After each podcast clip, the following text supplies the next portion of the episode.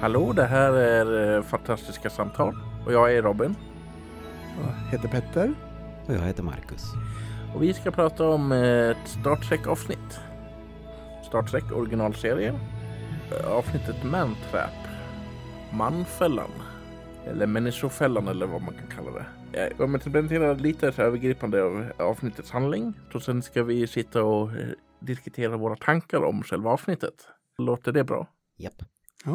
Det här handlar om eh, skeppet Enterprise. Eh, skeppet har kommit till en eh, planet. Det är en arkeolog där med sin fru och de ska dit och kolla sig hälsokoll. Det är visst någon regel att om man är på en främmande planet så ska man få en hälsokoll en gång om året. Så kaptenen för skeppet, kapten Kirk, den här gången och skeppsläkaren strålar ner med en matros för att ta det här. Och frun till den här arkeologen är en före detta flickvän till den här skeppsläkaren McCoy. Men problemet är att när de ser henne så ser hon lite olika ut. Sen händer det lite olika grejer och den här matrosen dör och har en massa fläckar på ansiktet. Resten av avsnittet handlar mer och mer om att de försöker reda ut vad som har hänt. Tycker ni att det räcker så här mer övergripande eller ska vi prata mer? Ja, nej men det väl beskrivningen ungefär. Ja. En del jag tyckte var lite bra gjort att det tar inte så mycket tid att framställa att Kapten Kirk och Dr. McCoy är gamla vänner så att säga. Ja, det etablerar sig ganska fort. Ja, eh, så att jag tyckte det, de gjorde det bra. Tycker överlag de får fram att det finns massor med historia både i själva universumet och bland besättningsmedlemmarna och eh, varifrån respektive planet som de kommer. Inte bara mellan Kirk och McCoy. Men att de får fram en känsla av att här finns det jättemycket historia bakom karaktärerna än vad vi ser. Därför att de ger oss små korta glimtar hela tiden. I andra tv-serier så skulle de ju ha kunnat börja med att Ja du Kirk, minns du när vi var på den där planeten 72 mm. och vi stötte på den här varelsen? Ja, jo men det minns jag, det var en... De har inget sånt, utan det är bara såna här korta glimtar, även när man får träffa Uhura och Spock i den här första konversationen så lägger de fram rätt snabbt att Spock, han är logisk och känslokall och eh, det är liksom bara fakta som styr. Medan Uhura är mera ja, mänsklig kan man väl säga. Ja. Och att de får fram i princip hela galaxens syn på Vulkan genom mm. vad Uhura säger där när hon frågar om månskenet på Vulkan och Spock säger Vulcan has no moon, Miss Uhura. Mm. Och hon säger I'm not surprised, Mr Spock. Om man bara hör sarkasmen i det här påståendet och får en känsla av att okej, okay, Volkan är ett tråkigt ställe där ingen har humor och ingen har känslor och det är inte sant, men det är så de framställs ja. och den yta de försöker ha. Så mm. det tycker jag är kul.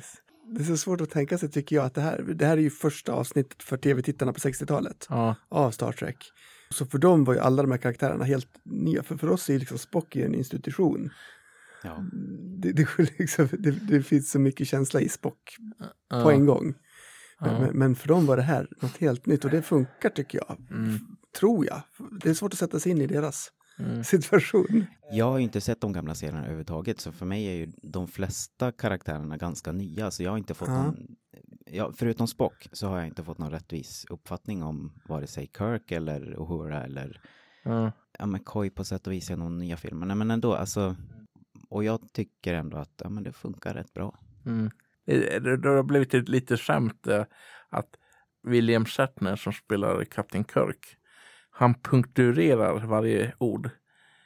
This man is dead. Han har viss pratstil när han vissa scener. Jag tyckte det var lite så här småroligt.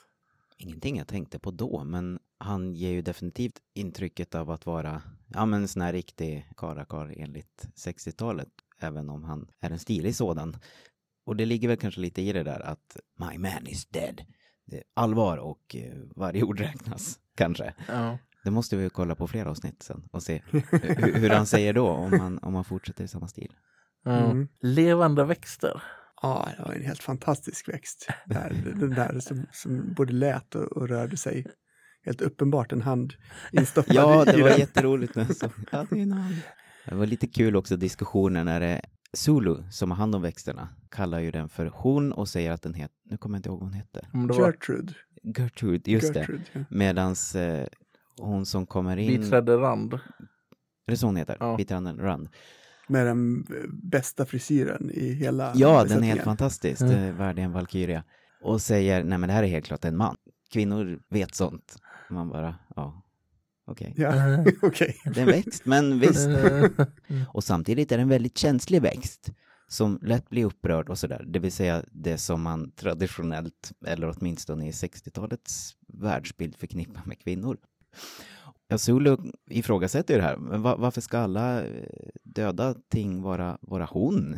Skepp är hon och planeter är hon. Vad betyder det här undrar jag? Det skulle vara, kunna prata en timme om också. Men eh, mm, Mm. För annars har de ganska, med, med våra mått mätt, väldigt stereotypiska könsroller och kläder. Och, ja, biträdets uniform är ju en klänning med väldigt, väldigt, väldigt kort kjol. De flesta har väldigt, väldigt korta kjolar. Du såg en kvinna med, med Ja, byxor, du? en, Jag hon hon det. gick förbi, hon hade långa svarta byxor. Eh, Jag tyckte att den här arkeologen, professor Crate, eh, framstod arrogant i vissa scener. Han var jätterolig! Älskade honom från första stund. Forskaren som de åkte för att göra hälsokontroll på. I alla fall i första scenen han kom in och så tyckte jag att han var väldigt arrogant och lite... Butter tyckte jag. eh, Vet inte. Jag behöver ingen bla bla bla och eh, vi kan åka bla bla bla. Och, eh, Vi behöver salt, det är allt. det var väl först efter att han hörde att eh, doktorn var Dr. McCoy för att han hade hört om McCoy ifrån sin fru. Tyckte jag i alla fall att han började bli något. Något mer tillmötesgående. Det kanske skulle ha varit en liten sån här varningsklocka redan från början med tanke på vad frun visade sig vara sen. Att det inte automatiskt uppstod att han var tvungen att hävda sig gentemot McCoy. Ja. För det hade ju annars varit ett väldigt klassiskt grepp, inte bara på 60-talet utan även i vår tid att oh, här kommer en gammal flamma till min fru. Han ska minsann eh, sättas på plats och han ska inte kunna sno tillbaka min fru. Ja. Något svartsjukedrama utan att han blev mer tillmötesgående då kan ju antyda att han kände på något sätt att oj, någon gång kommer ju McCoy få veta att hon är död. Egentligen. För det visste ju den här Crater Mm. Redan när de var där. För då hade ju frun varit död ett tag Mm. och ersatts av den här varelsen. Det är kanske därifrån sympatin kom i början. Ja. Det är väl ingen egentlig spoiler med tanke på hur länge avsnittet har varit funnits. Men eh, f- f- eh, fru Nancy dog typ ett eller två år innan in universe. Och blev ersatt av någon varelse som bodde på den här planeten som kan läsa en persons tankar och anta någon form. Jag vet inte om eh, den faktiskt antar den på riktigt eller om det är mer en sån där illusion. Nej, det där är Ja. lite otydligt. Hon kunde ju plötsligt prata swahili när hon var i den här mannens Ja. skepnad som försökte ge sig på Uhura. Ja. Jag tycker det verkar vara illusion, kanske mest baserat på den första scenen när de träffar henne. Ja. För då ser de tre olika besättningsmännen från The Enterprise henne på helt olika sätt. Ja. De ser henne samtidigt. De ser henne samtidigt. jag ja. missade precis början där. Men, ja, Ja. ja. men i så fall, ja då verkar det illusion. Fastän hon kan sno, alltså av andra personer, sno deras minnen. Det, det jag tyckte det att det är en- någon form av så telepatisk också. Mm. De kan ta vissa minnen och sånt där, anta vissa skepnader som den här personen är, tycker är snyggt. Ja. Mm. För den verkar inte kunna läsa tankar rakt av från vem som helst. För då hade den väl haft lite lättare att ta sig fram på skeppet och sådär. Eh, Men det beror väl på, det finns ju olika former av telepati. Serier. Ja. Den här varelsen verkar väldigt mottaglig för känslor. Och ta in känslor, starkare känslor blir. Eller det är svårt att säga för att det, det, det poängteras känslan att den behöver känslor. Den behöver Mm. kärlek och Mm. salt. Ja. Den behöver, verkar det som. Det är mycket sexuell upphetsning som den försöker frammana och det är väl för att få folk att svettas, antar jag. Men å andra sidan kunde den ju bara sätta fast sina tentakler på ansiktet på folk och suga ut saltet ur dem i alla fall. Men det är väl så den egentligen gör det. Sätter hän- händerna där och sen suger ut saltet ur en. Mm. Mm. Men för, först får liksom paralysera den offren känslomässigt, Ja. tolkar jag det som. För att kunna komma så nära och sätta händerna på. Ja, Ja, lite ja, svårt att ja, veta. antingen det eller förför dem. För Ja. det gjorde hon väl med den här yngre besättningsmannen i början. Ja.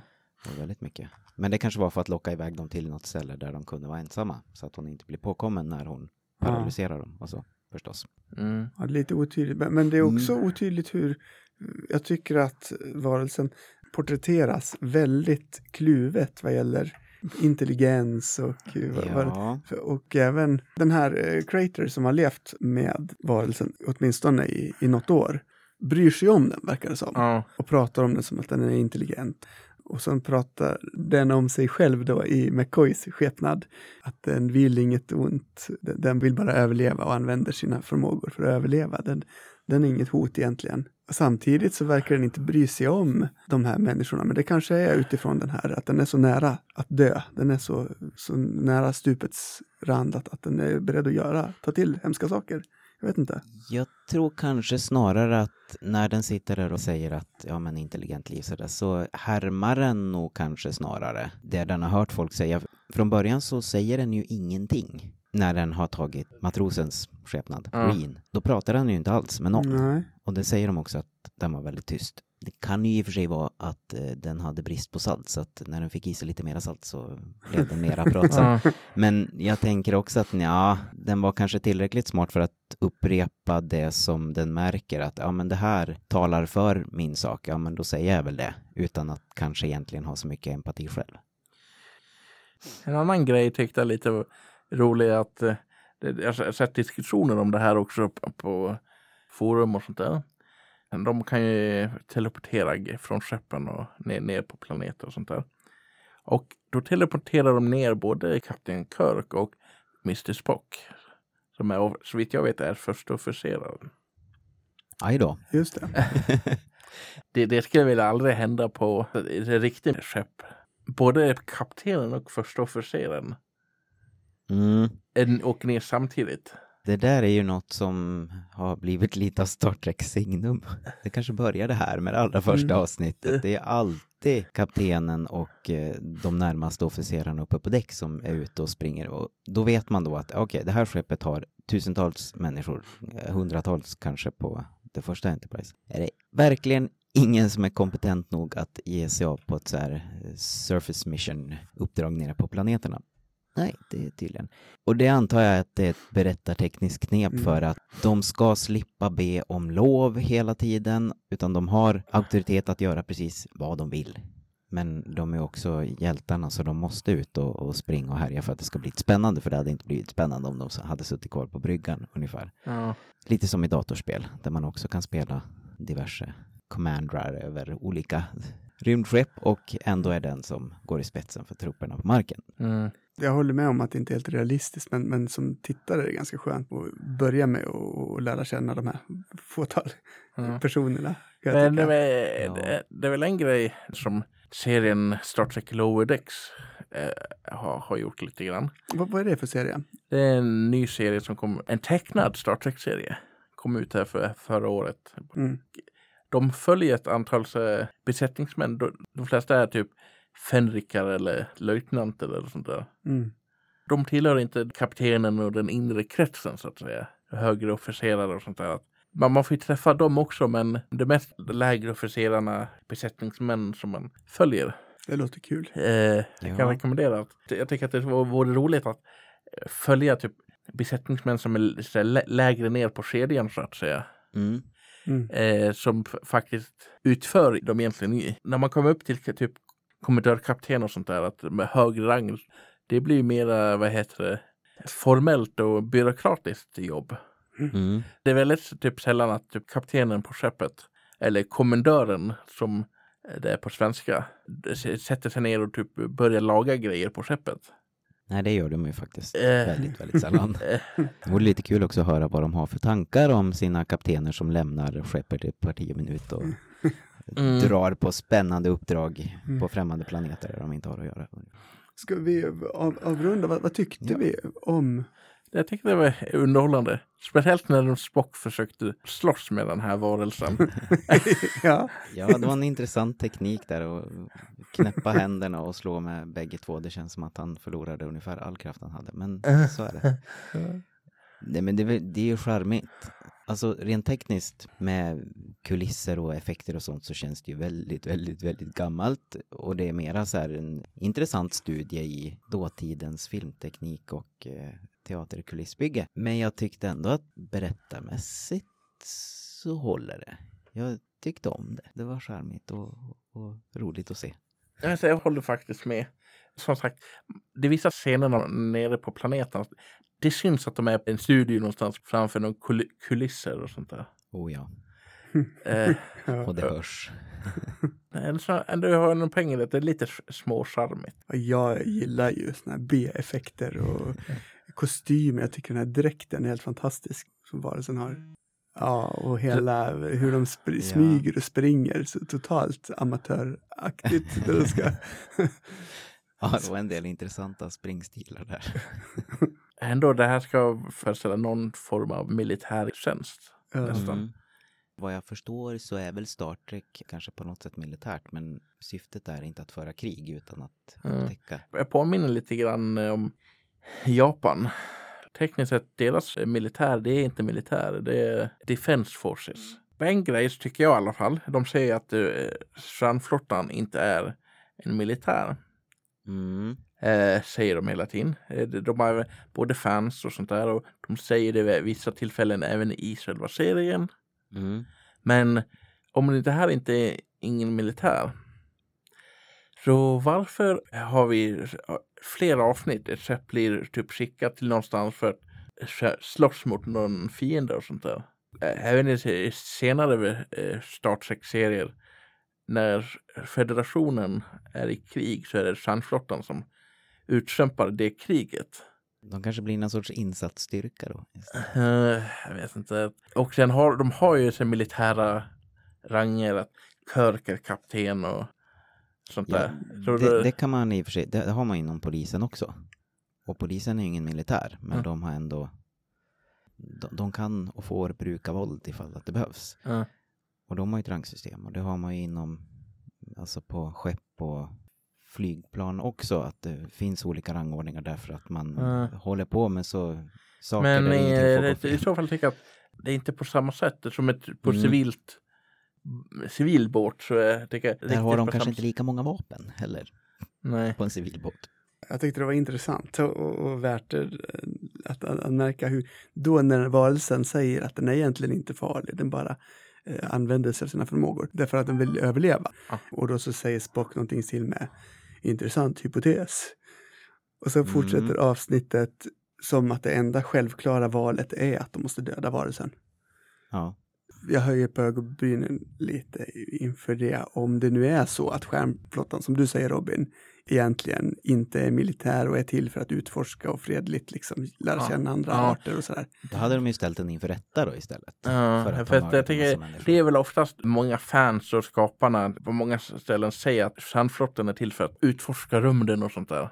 Mm. Att de inte är någon militär som Kapten Picard säger i Next Generation. Mm. Eh, upp till bevis kanske vi säger då, eller? Den kanske var tvungen att förändras tyckte de. Ja. Men visst var väl Gene Roddenbergs grundtanke med det att det inte skulle vara krig och konflikt som var fokus i mm. serien, mm. utan ja. det var just utforskande och, så, ja. och sådär. Åtminstone inte krig och konflikt eh, liksom... Mellan nationer och planeter och, och så. Jo, de kommer ju till planeter där, ja. är, där de är lägre stående då, liksom. Jo, jo, det är det som, och där det är då är konflikter och där de måste ta till våld för att... Ja, men det är sant. Ja, men de har inte startat några krig. Ja, eh, nej, ja, nej, det är sant. Det, kan det är en luddig gräns kan vi säga. det kan diskuteras. Det får vi ta senare. Men eh, det var väl väldigt så här småcharmigt. Eh, mm. Underhållande avsnitt. Det håller jag med om. Eh, era sista tankar? Jag blir faktiskt lite sugen på att fortsätta titta. Och det har jag väl aldrig trott att jag skulle bli intresserad av gamla Star Trek. Ja, jag gillar det överlag. Det känns lite som en tröskel för mig att sätta mig och titta på ett avsnitt. Men sen när jag väl gör det så måste jag säga att jag trivs rätt bra med det. Mm. mm. Men eh, det här var avsnitt nummer två i Fantastiska samtal angående Star Trek. Förhoppningsvis så kommer vi prata mer om Star Trek i framtiden. Men då hörs vi då. Ha det så bra. Tack så mycket.